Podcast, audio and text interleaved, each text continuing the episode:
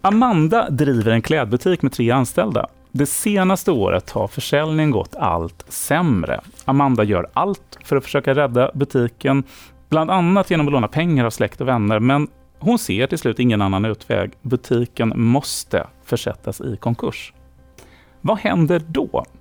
Hur går det för de anställda? De som har lånat ut pengar, hur ser deras chans ut att få tillbaka de pengar de har lånat ut? Leverantörerna av kläder som ännu inte fått betalt, kommer de kunna få sina pengar? Och hur kommer det gå för Amanda? Domstolspodden idag handlar om konkurser.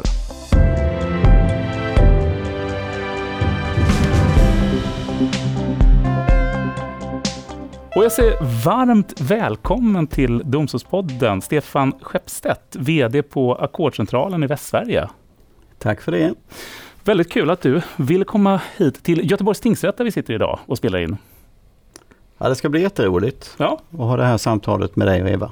Ja, härligt. Och jag, jag säger jättevälkommen, jag kan inte säga välkommen till, till eh, lokalen, Eva Nej. Alsin, domare på Göteborgs tingsrätt. Men väldigt kul att du vill vara med i Domstolspodden i alla fall. Ja, tack så mycket. Det ska ja. bli spännande tycker jag, att sitta här och prata om konkurser med dig. Ja, vad härligt. Ja, och med Då, Stefan. Ja, och med Stefan. Ja, men jag, jag har också sett fram väldigt mycket mot det här samtalet. Konkurser. Eh, om man börjar med den frågan, vad, eh, vad är konkurs? Hur blir man försatt i konkurs? Eva? Ja, alltså om man ska säga det väldigt enkelt så kan man ju säga att konkurser handlar om att man i ett sammanhang ska titta på vilka tillgångar och vilka skulder finns det för en person och hur ska de som då har skulder, hur ska de kunna betala dem? Mm. Finns det några pengar att betala med de här skulderna? Mm. Och det är ju tingsrätten som beslutar om konkurs. Eh, så att eh, ja, det är väldigt mm. kort. det är väldigt kort. Och eh, ska man säga också, vi pratar om personlig konkurs, vi pratar om företagskonkurs. Ja. Eh, ja, reglerna är ju egentligen de samma, mm. både för om det är en person eller om det är ett företag mm. som försätts i konkurs. Mm. Eh, och genom beslutet så tillsätts ju då en konkursförvaltare mm. eh, som då får i uppdrag att eh, se över tillgångar och skulder. Mm. Så där, där, och när vi pratar konkursförvaltare, Stefan, som konkursförvaltare. Om man börjar med den här frågan, en person som blir försatt i konkurs, vad innebär det? Ja, om du blir försatt i konkurs så eh, tappar du ju egentligen möjligheten att göra som du vill. Det, mm. det är ju det ena eh, då. Du, du får ju en, en överrock, en konkursförvaltare. Sen eh, konkursförvaltaren, han är ju bunden till många regler i konkurslagen och det ska man ju komma ihåg när man pratar om konkurser. Eh, visst, förvaltaren har, har en möjlighet att göra olika bedömningar men det finns en konkurslag eh, med väldigt många kapitel som mm. reglerar väldigt, väldigt många saker och som alltid när det gäller juridik så finns det lagförarbeten som talar om hur man ska tolka olika saker, väldigt mycket rättsfall eh, också. Mm. Och, eh, jobbar ju också mycket tillsammans med eh, tillsynsmyndigheten i konkurser. Just när, när det gäller eh, privatpersoner så, så får man ju alltid eh, man har ju alltid rätt till pengar för att klara sitt uppehälle. Mm. Så att det, det, är ju inte så att man stä, blir ställd på bar backe utan konkursförvaltaren han prövar ju alltid så att du får, får behålla medel för att betala din hyra mm. och, och, och ditt, ditt dagliga uppehälle. Mm. Så att säga. Så att det, det, så är det ju. När det gäller just när någon blir försatt i personlig konkurs, alltså hur kan Går det att säga någonting om hur en typsituation kan se ut när det har gått så långt så att man blir försatt i personlig konkurs? Det kan man nog göra lite. Du har väl sett mer av det Eva egentligen men, eh, men eh, jag tror när det gäller eh, privatpersoner så, så är det ju väldigt mycket Skatteverket som ja. är sökande. Ja. Och, eh, det är ofta att de har drivit näringsverksamhet i en enskild firma. Ja. Eh, och den kan ju vara registrerad eller icke registrerad, men det spelar ingen roll. Utan har man drivit eh, näringsverksamhet så vill ju Skatteverket att man ska betala sina skuld, mm. skatteskulder helt enkelt. Mm. Eh, och eh, ja, Gör man inte det så brukar de då initiera en konkursansökan. Mm. Eh, och det handlar ju också om det här med konkurrens på lika villkor och så vidare. Mm. Så att ja, Sen ska man ju, om man gör en internationell utblick, så kan man ju säga att det, det är ganska många länder där, där privatpersoner inte kan försättas i konkurs. Så att det, det har ju varit en viss kritik med, mot, mot det, att, att man ska som privatperson kunna, kunna, kunna försättas i konkurs. Mm. Men vi har ju det systemet i, i Sverige och där är, är, ju reglerna också lite annorlunda eftersom det är så pass ingripande för en privatperson mm. så är det ju extra stora krav på skyndsamhet då att, att konkursen ska handläggas snabbt. Mm. Men och när du säger att det är så ingripande, vad, vad, får man och vad får man inte göra när man är eh, försatt i personlig konkurs? Du får ju i princip inte lov att göra någonting utan att konkursförvaltaren säger ja till det. Till exempel vad? Eh, ja, du får ju lov att eh, äta och dricka och så får du göra. Men eh, det, det är det. Vi pratar ju främst om ekonomin nu. det, det är ju ekonomiska inskränkningar. Du får inte driva näringsverksamhet. Nej, det får du inte göra. Och, och de, har du en inkomst så samlas ju de pengarna ihop till konkursförvaltaren. Lönen går in till konkursförvaltaren. Han portionerar ut till dig. Mm. Så att, eh, men eh, ja, så, så att eh, så är det. Sen vet jag inte riktigt, för att anknyta lite grann till din första fråga, för jag tycker det hör, hör, hör samman också lite grann att man kan ju bli försatt i konkurs även om man bestrider ansökan. Och det, det, är väl också så att just eftersom det är så ingripande med konkurs så, så är det ju väldigt höga krav för det. Det finns ju en del fordringsägare som tillgriper det här med konkursansökan mera som en påtryckning mot både privatpersoner och företag. Mm. Och, och, där är, är väl ett stort problem att eh, de här kreditupplysningsföretagen så, som finns, eh, där poppar det ju upp som en konkursansökan mm. och det kan ju vara förödande för dig egentligen. Du kan ju få en konkursansökan som är helt ogrundad. Mm. Så att, eh, och då, men där är ju regelverket sådant att eh, det, det, det är väldigt stränga krav. Du, mm. du kan inte sätta en person eller ett företag i konkurs och, utan att det verkligen finns en, en väldigt klar och förfallen fordran. Och det är väl domstolens sak att ja, pröva detta ja, också? Ja, precis. Och är det en borgenär, ja. alltså en som har fordringar, mm. som, eh, eh, som ansöker så sätter vi ut det till förhandling. Mm. Eh, men allt som har med konkurs att göra ska gå snabbt. Ja. Mm. Så att eh, relativt snabbt så sätter vi ut en förhandling mm. eh, och där prövar man ju helt enkelt om förutsättningarna är uppfyllda. Mm. Är det så att man inte kan betala sina skulder då mm. eh, i den takt de förfaller och det inte är bara en tillfällig svacka utan att eh, det finns en viss bevisning då om att det här inte är övergående. Mm. Då blir man ju försatt i konkurs. Mm. Och I annat fall så blir det, det är ju väldigt många kan vi säga också fall som faktiskt betalas. Mm. Många som, precis som Stefan säger, att man använder det Eh, konkursinstitutet som ett litet utpressningsmedel eller mm. ett sätt att komma före i kön, att liksom mm. Eh, se till att få betalt, att min, min fordran blir prioriterad genom att mm. jag går in med en konkursansökan till tingsrätten och då eh, blir den skuldsatte som inte vill bli försatt i konkurs, blir tvingad att betala helt enkelt. Mm. Ja, vi har pratat om, om eh, personlig konkurs, men företagskonkurser. Det, det exemplet som, som eh, jag läste upp i inledningen här, Amanda mm, och hennes mm, klädbutik som har gått mm. dåligt ett tag. Mm. Eva, var, vad innebär det när ett företag blir försatt i konkurs? Vad, vad händer sen där? Ja, man kan ju säga så här att eh, utgångspunkten är ju att det, egentligen, det är samma regler mm. som gäller för eh, företag som för en privatperson som mm. blir försatt i konkurs. Så att eh, det blir en konkursförvaltare som tar över. Eh, det här exemplet, Amanda, hon har ju tre stycken anställda. Mm. Jag tänker mig att för deras del så lär det ju vara en jättefråga. Vad händer med dem? Kommer ja. De... Och anställda eh, har ju möjlighet då genom konkursen att få betalt för sin lönefordran genom lönegaranti som finns. Mm. Och det är en statlig garanti mm. eh, som gör att man kan få en del av sina pengar i vart fall betalda. Det mm. finns ju lite beloppsbegränsningar och tidsbegränsningar också. Mm. Och det är ju konkursförvaltaren som eh, beslutar om eh, lönegaranti. Mm. Eh, och sen betalas det ut av Länsstyrelsen. Mm. Det brukar ju vara en sån åtgärd som är viktig att vidta snabbt. För det kan ju vara så att de anställda kanske inte har fått lön på ett tag och det kan till och med vara så att det är den anställde som har ansökt om konkurs. Det är inte helt ovanligt. Nej, eh, nej men just det. Och, eh, de är ju de är ju tre stycken här som, som ja. Eh, definitivt vill ha betalt för lönen. Men det finns ju andra här också i, i exempel. Vi har personer som har lånat ut pengar till Amanda. Mm. Eh, för att hon ska kunna driva butiken vidare. Och ja. sen finns det klädleverantörer som också ja. har eh, säkerligen ganska många fakturor som vill ha betalt Absolut. Stefan, vad gör din roll som konkursförvaltare i det här fallet?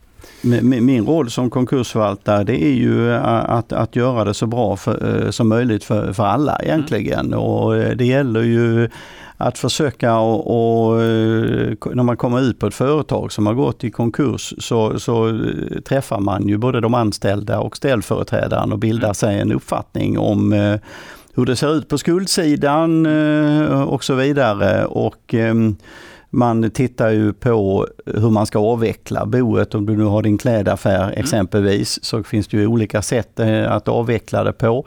Man kan ju ha en utförsäljning i butik och då sätter man ju sig tillsammans med ställföreträdaren och de anställda och mm.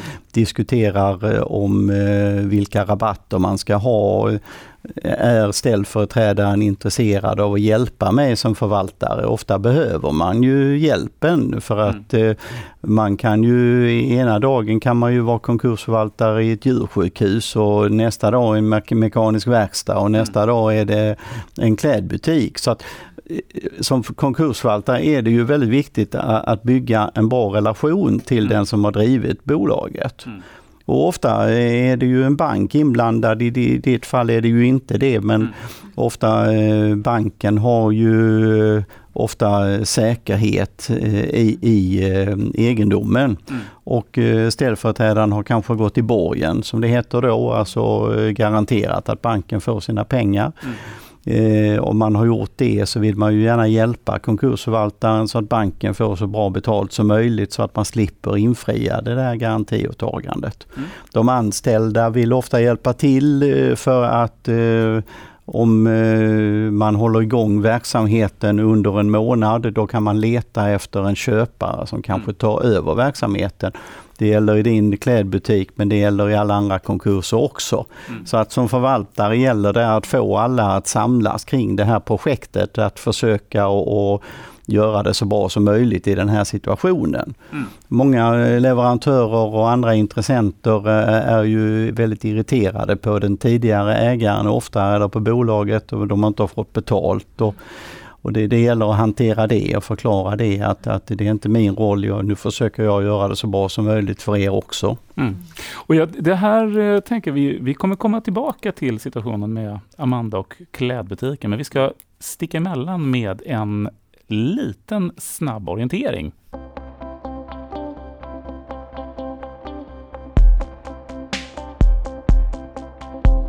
Då är vi framme vid ett riktigt trevligt moment i Domstolspodden, nämligen begrepp eh, som jag vill ha förklarade på ett enkelt och rakt och tydligt och pedagogiskt sätt. Oj, jag tar Domstolspodden-pennan och öppnar det bruna kuvertet. Och då är det ju så förstås att alla de här lapparna handlar på ett eller annat sätt om det vi pratar om idag. Konkursfrågor. Du ser, ja, nu blir, ja, det var ju tur att inte det här ska återanvändas. Vi gör så här. Här oj, finns det ju, oj, oj, oj. Ja, det var alla lappar. Många. Ni får, ja, många lappar är det. Eh, men jag föreslår Eva att du drar en valfri lapp. Jag tar den där, den ser ja. spännande ut. Ja. Så får du säga vilket begrepp det är. Och sen... Åh gud, bevakningsförfarande. Ja. Ja, då är det ju så att eh, eh, om förvaltaren inte riktigt vet hur mycket fordringar, eller hur många borgenärer som finns, mm. så kan han begära att tingsrätten ska besluta om bevakningsförfarande. Eh, och då kungörs det och så måste man som borgenär då eh, bevaka sin fordran, måste tala om för tingsrätten att vi har en fordran, så skickar vi över det sen till eh, förvaltaren. Så får han reda på vilka som har möjlighet att få betalt i den här konkursen.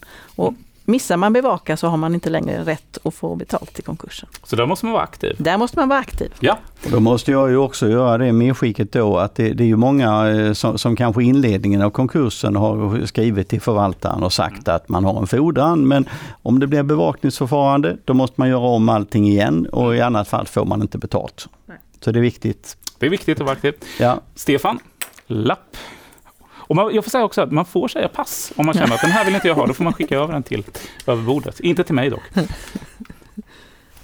Eh, ja, gäldenär, borgenär och borgensman står Tre det på, på eh, en den här lappen. Ja. Ja. och det, det, det där är ju väldigt lätt att blanda ihop. Gäldenär det är ju en som skall betala Mm. och eh, borgenär det är ju någon som ska ha betalt. Och en borgensman det är ju en som har garanterat att någon ska få betalt. Så som exempelvis banken. Mm. Som borgensman har man garanterat att banken ska få betalt av gäldenären då. Så att, eh, Ja, ja. Det är väl just borgensman och borgenär som, man, ibland, som det- man ibland blandar ihop. men det låter, det låter som det är hyfsat viktigt att ha koll på. Absolut, det det är ju precis tvärtom. Alltså, Ja. de är ju, det, är- det är ju, Ja, det är precis tvärtom. Det är det. Jättebra. Eva, ny lapp. Ny lapp.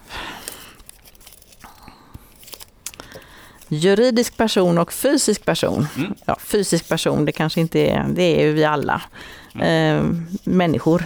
Eh, juridiska personer, det är ju då eh, bolag, föreningar, eh, stiftelser, juridiska konstruktioner som man då eh, benämner som juridiska personer. Mm. För att de kan då eh, till exempel bli försatta i konkurs eller de kan ingå avtal, att de Mm. har rättshandlingsförmåga. Mm. Så att, ja, det är väl det Mm. paret om man säger så. Personer utan personlighet. Det kan man säga. det kan man Det säga. kan man säga.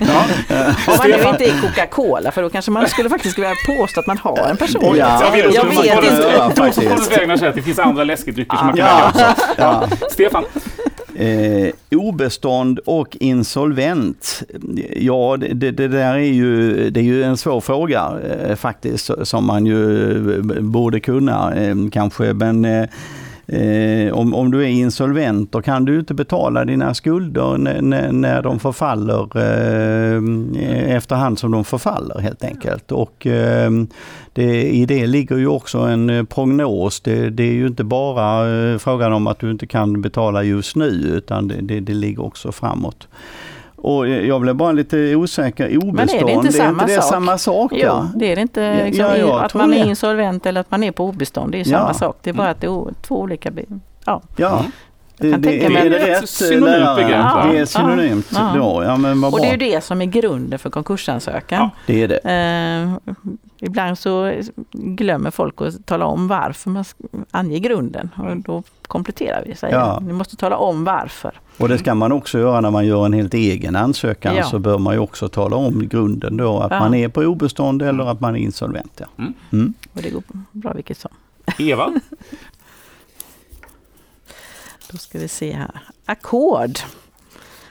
Ja, det är en uppgörelse. Mhm. Man skriver ner eh, sina fordringar, behöver betala mindre kan man säga. I företagsrekonstruktion eh, så eh, brukar det ofta sluta med att eh, man begär ett ackord. Eh, och det betyder då att eh, tingsrätten i de fallen kan besluta om ett offentligt ackord som då är bindande för alla. Mm. Sen kan vi också träffa på frivillig basis underhandsackord. Eh, och då är det inte riktigt lika strängt utan då är det mer avtalsmässig uppgörelse. Och det finns faktiskt en kapitel i konkurslagen som talar om ackord i konkurs men det är väl väldigt, Väldigt ovanligt. ovanligt. ja. Ja. Mm.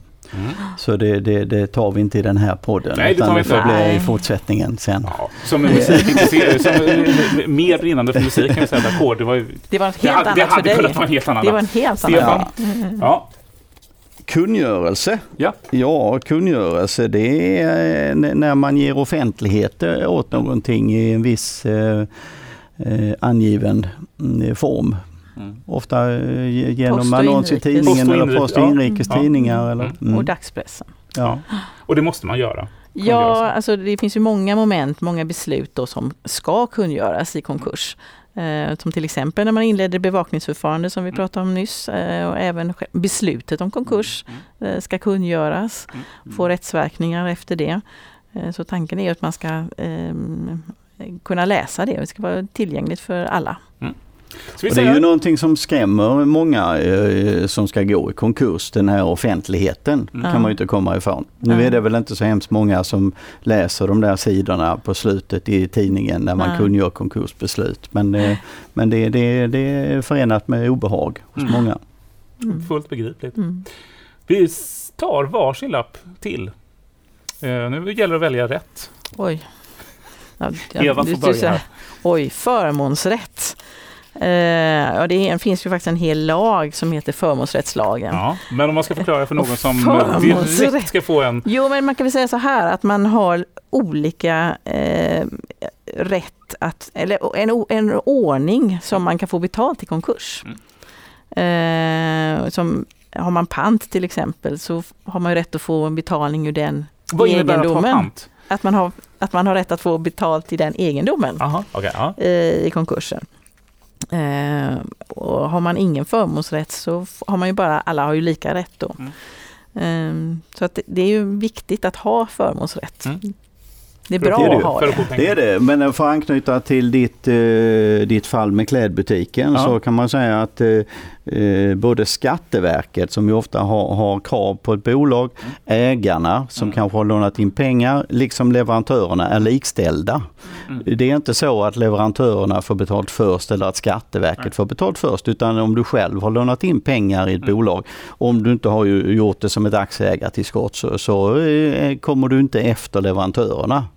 Mm. Så att det, det är ju viktigt att hålla i minnet. Och, och det kan ju vara ett, ett incitament just till att ägaren verkligen är intresserad också av, av att, att det ska bli ett bra resultat. För, för då kan han få tillbaks lite pengar Mm. av det han har lånat in. Va? Hur är det med de anställda? Har inte de förmånsrätt?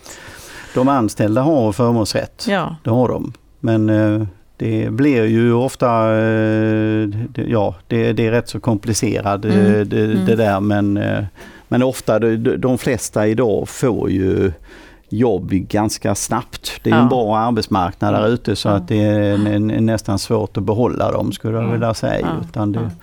det, det, de, de flesta idag de, de rycker man ju i ganska fort.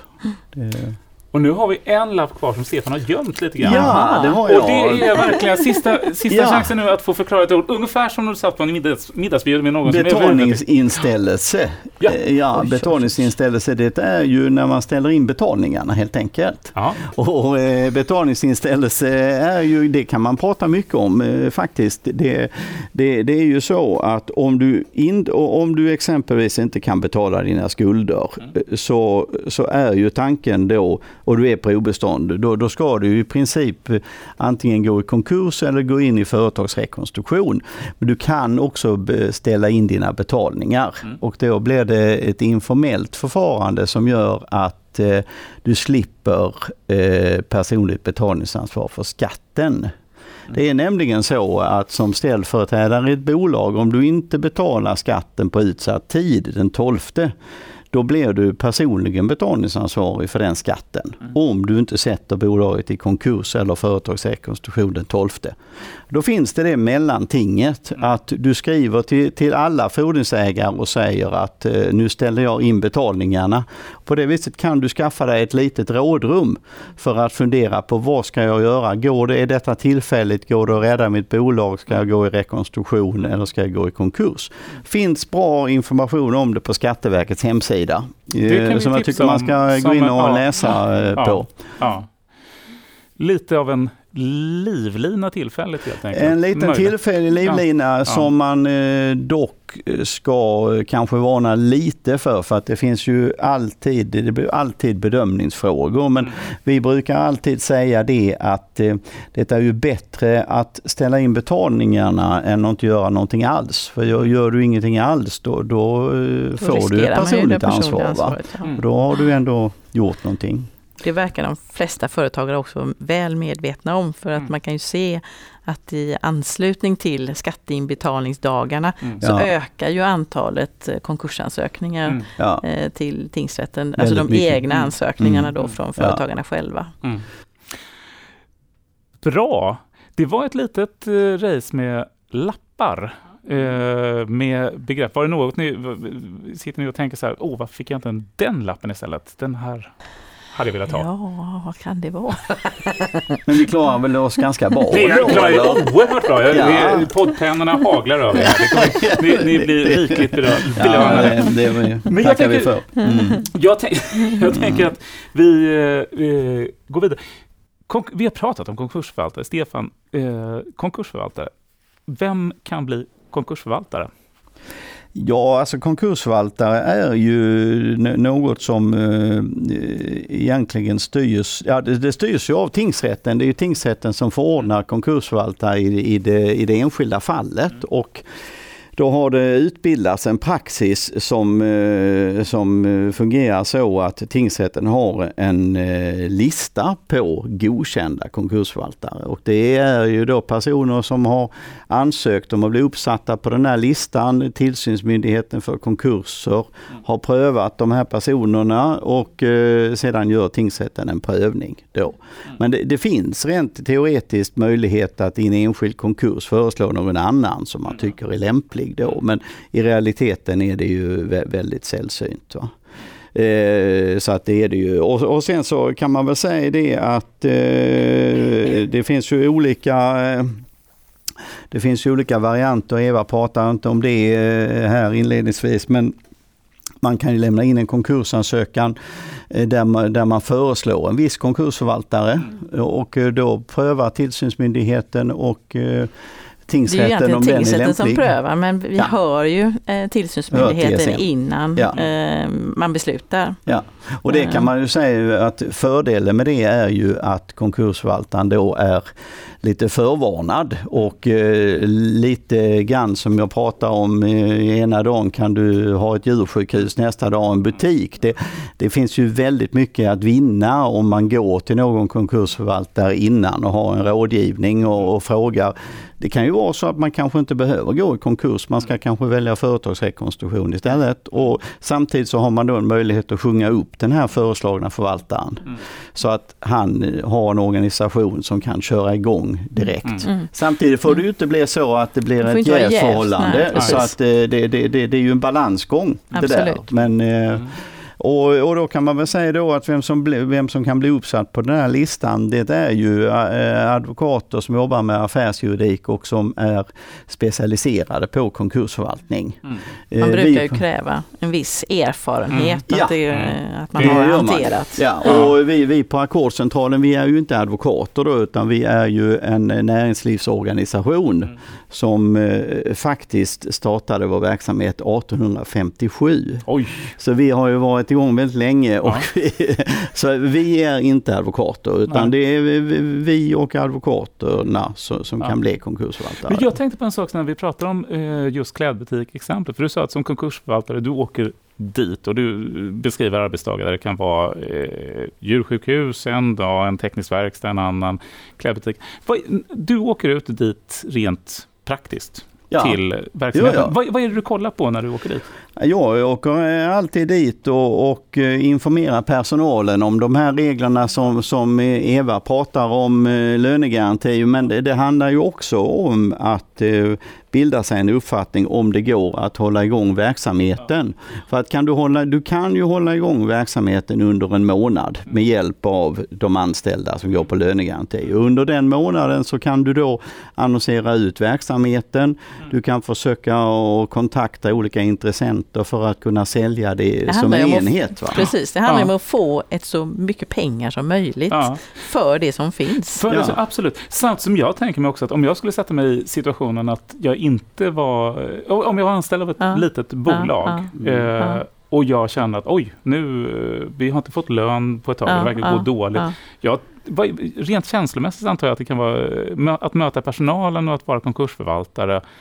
Det låter som att det är hyfsat mycket oro du kan möta när du åker ut där också. Det, jag, jag skulle vilja säga att det egentligen på många sätt är tvärtom. För, för, för att vä- väldigt många, framförallt ställföreträdare, har ju kanske kämpat i många år eh, i en besvärlig marknadssituation. Så Det att, tror jag också. ja, alltså, för, så för många Ja. kommer det nu nästan som en Det befrielse. lätt, att det, man vänder blad lite Mm. grann. De anställda kan du ju se så, så, som en, en nystart och om Mm. det kommer in en ny ägare med Det har ju varit kapital en och så. Va? ovisshet Ja, det var, ja. som många har levt med. Ja. Och att just det här att man har kämpat, man har vänt på varenda krona, man har liksom funderat.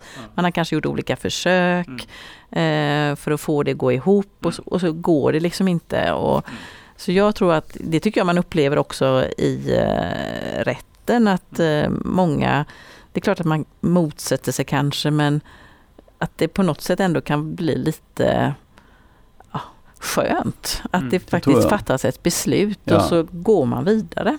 Och när vi är inne på de här frågorna om att gå vidare, alltså en, en konkurs, när det har fattats ett beslut om en konkurs, hur länge pågår en konkurs? Ja, det finns ju egentligen inga regler om hur länge den kan pågå utan det beror ju väldigt mycket på. Eh, vad finns det för omständigheter som måste utredas? Eh, behöver man driva processer? Eh, hittar man eh, intressenter som vill ta över snabbt eller Mm. är det långrandiga förhandlingar? Mm. Alltså, konkursförvaltaren möter ju som sagt var väldigt olika verkligheter eh, som man kommer ut till. Och, och det påverkar ju också då hur länge den här konkursen pågår. Mm. Sen finns det ju ett allmänt krav på att man ska med så gott resultat som möjligt göra det så snabbt som möjligt. Mm. Eh, och det kan man ju tycka att det är en ekvation som är ganska tuff att, eh, att råda i- land helt enkelt. Det är det ju och jag menar nu pratar man ju givetvis i egen sak men eh, för några år sedan så gjordes det någon undersökning vad, vad allmänheten hade för attityd till vissa yrken och tydligen konkursförvaltare det kom i botten. Det, det, Gjorde det? Ja, det kom verkligen i botten. Det, det var eh, konkursförvaltare hade man inte några höga tankar om. Och, och jag, jag skulle nu vilja säga att eh, Ja. de flesta är nog bättre än sitt rykte. Det, det handlar ju om att åstadkomma ett bra resultat för alla och självklart eh, blir det konflikter ibland. Eh, visst, det blir det. Men, det kan ju också vara konkurrens mellan de olika borgenärerna. Ja, Alltså någon vill så, och någon vill så. Det är bra för en att få det på ett sätt och kanske bättre för någon annan. Men förvaltaren ska ju ha allas bästa, det gemensamma Ja. bästa för sina eh, ögon. ja. Och jag tänkte här, eh, ni, ni är inne på den frågan om bra och det bästa. och Så. Bra konkurs och dålig konkurs. Alltså eh, Stefan, kan, du, kan man säga så att det här var en bra konkurs och det här var en konkurs som var dålig? Ja, Alltså eh, en, en bra konkurs är väl en konkurs där, man, eh, där verksamheten kan leva vidare och att det kan gå snabbt, att de anställda eh, får behålla sina arbeten och det, där kanske kostnaderna inte blir allt för stora heller så, så, så att fordringsägarna kan få hyggligt betalt. Va? Mm. Eh, det, det, det är ju det bästa, det, absolut. Eh, och, eh, det, och, en dålig konkurs, ja det, det, det är väl just en konkurs där, som drar mycket kostnader och, och där fordringsägarna inte får mycket över i slutändan. Men vi pratar ju lite grann om det just med, med förvaltarval och det kommer ju in lite grann med planering också. Det är ju alltid bra om man innan man, man väljer att sätta ett bolag i konkurs. Tänker efter lite grann vad, vad, vad, ska man göra eh, dagen efter? Du, du är försatt i konkurs. Många bra konkurser bygger ju på att du skalar av olönsamma delar på verksamheten. Men då gäller det att du har gjort det jobbet innan du sätter dig i konkurs. Att du tänker efter och mäter, den delen är inte lönsam, det, den ska vi lägga ner, den delen ska, ska vi satsa på. Och då måste du se till så att du har finansiering så att du kan köpa den delen. Ja, vi, vi tar några snabba praktiska frågor eh, mot slutet här som jag tänker kan vara sådana som man kan fundera på. Om jag har lånat ut pengar till en person som blir försatt i konkurs, precis som i Mm, eh, exemplet mm, med klädbutiken, Eva, vad, vad, vad händer då? Ja, det viktigaste är ju att man faktiskt kontaktar konkursförvaltaren och talar om att man har pengar att fordra. Eh, för det betyder ju att då har man möjlighet att få betalt utav det som finns i det här konkursboet. Mm. Eh, Så det kan bli en del av pengarna, det, det kan, kan bli en allt del, eller ja, ingenting. det vet man Nej, inte. Det vet man inte. Det vet man inte för det visar sig ju under själva förvaltningen.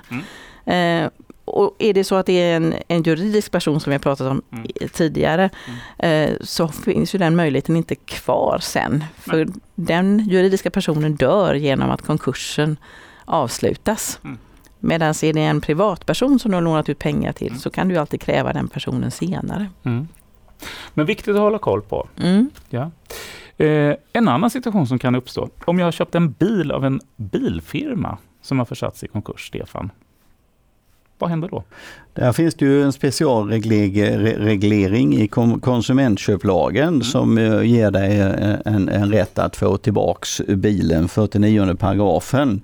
Mm. Eh, om det däremot inte är en speciell, eh, speciellt föremål utan, utan kanske det är eh, tio säck eller tio kilo säd eller någonting annat som du har ja. köpt. Dock så, inte av en bilfirma. Dock inte av en bilfirma, nej. nej då, då, då, då, då, kan det bli bekymmer om det inte är avskilt ordentligt. Ja. Så att, men, men just eh, lagstiftaren har, har tänkt på konsumenten mm. i, i det sammanhanget. Mm. Om man däremot inte är konsument, då, då är det ju andra regler som gäller. Då är det ju ofta så att man har, om man har betalt eh, för någonting så får man bara en fordran i konkurs och, mm. och har inte rätt att, att, få det man har köpt, vilket ju många uppfattar som orättvist, mm. givetvis.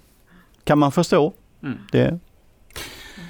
Vi har varit inne på den här frågan, men eh, skulderna, eh, vad händer med dem? Är det någon skillnad om det är ett företag eller en privatperson som försätts i konkurs? Stefan? Ja det är det. Eh, en privatperson som försätts i konkurs när konkursen är avslutad så finns ju skulderna kvar. Mm. Eh, och eh, när det då gäller en juridisk person så är det som Eva sa, då dör ju den, den juridiska personen med, med detta. Mm. Sen kan den då återuppväckas om det dyker upp nya tillgångar i konkursen och så, men nu är vi inne på lite specialfallet. Ja, så, och då likvideras de? Ja, sen, ja, det, det, det, det. Sen, sen, sen, kan man säga, och nu vet jag inte hur tekniska vi ska vara här, men, eh, men det är ju till och med så att under tiden konkursen pågår mm. så finns det konkursboet som är någon sak för sig och bolaget i konkurs eh, kan leva parallellt med konkursboet, vilket ju är mycket förvirrande för eh, alla som kommer i kontakt med detta. Mm. För att eh, bolaget i konkurs företräds av den gamla styrelsen och de kan till exempel fortsätta en domstolsprocess som konkursförvaltaren inte vill driva. Mm. Då kan de fortsätta driva det och det, det, det är ju väldigt lätt att blanda ihop mm. det där. Mm. Också så, det är mycket i hela detta samtal som handlar just om också att vikten av att om man är part i detta så måste man också både vara aktiv och ha koll på hur saker fungerar. Ja, det, så är det ju i livet. Så är det i livet. Ja. Särskilt i det här sammanhanget eh, får man ju säga. Och en sista fråga av mer praktisk natur. Eva, kostar det någonting att ansöka om konkurs? Eh, om man är borgenär. Eh, och då, då är man alltså den som, fordringsägare som, den som vill, vill ha betalt. Just det, den som ja. vill ha betalt som vill att någon annan då eh, mm. ska försättas i konkurs. Då får man betala en ansökningsavgift på 2,8. Mm. Eh, Medan om du själv vill försättas i konkurs, mm. då kostar det ingenting.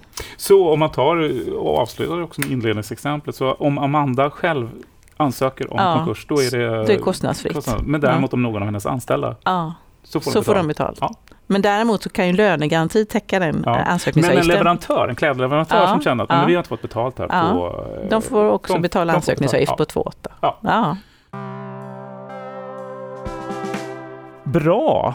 Eh, vi har pratat om konkurser, både eh, vad som händer om en person går i konkurs och om ett företag, en juridisk person, går i konkurs.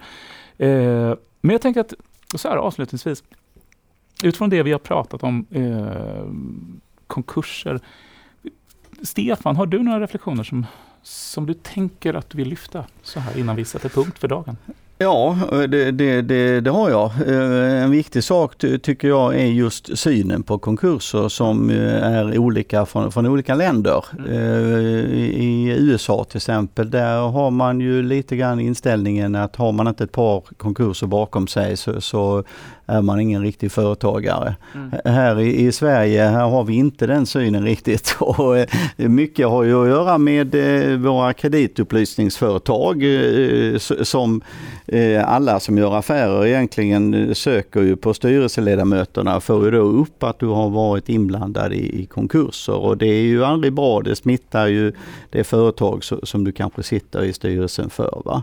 Vad, vad jag tror är viktigt det är att man skiljer på konkurs och konkurs. I en konkurs så upprättas ju någonting som heter förvaltarberättelse. Mm.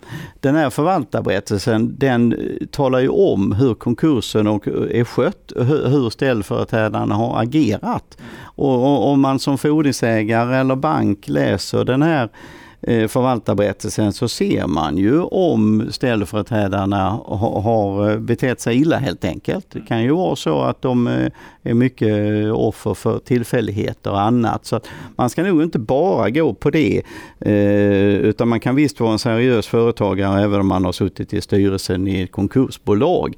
Ett annat stort problem är ju det att företag som går dåligt behöver ju en bra styrelse för att vända eh, utvecklingen. Och om ingen med kompetens vågar ta ett jobb i ett företag som går dåligt, då, då får, ju, får vi ju stora bekymmer i näringslivet. Så att eh, ja, ja, ja, det, ja. det tycker jag. Spänn, spännande inspel. Och Eva, Mm. som domare. Reflektioner kring, kring eh, samtalet och konkurser?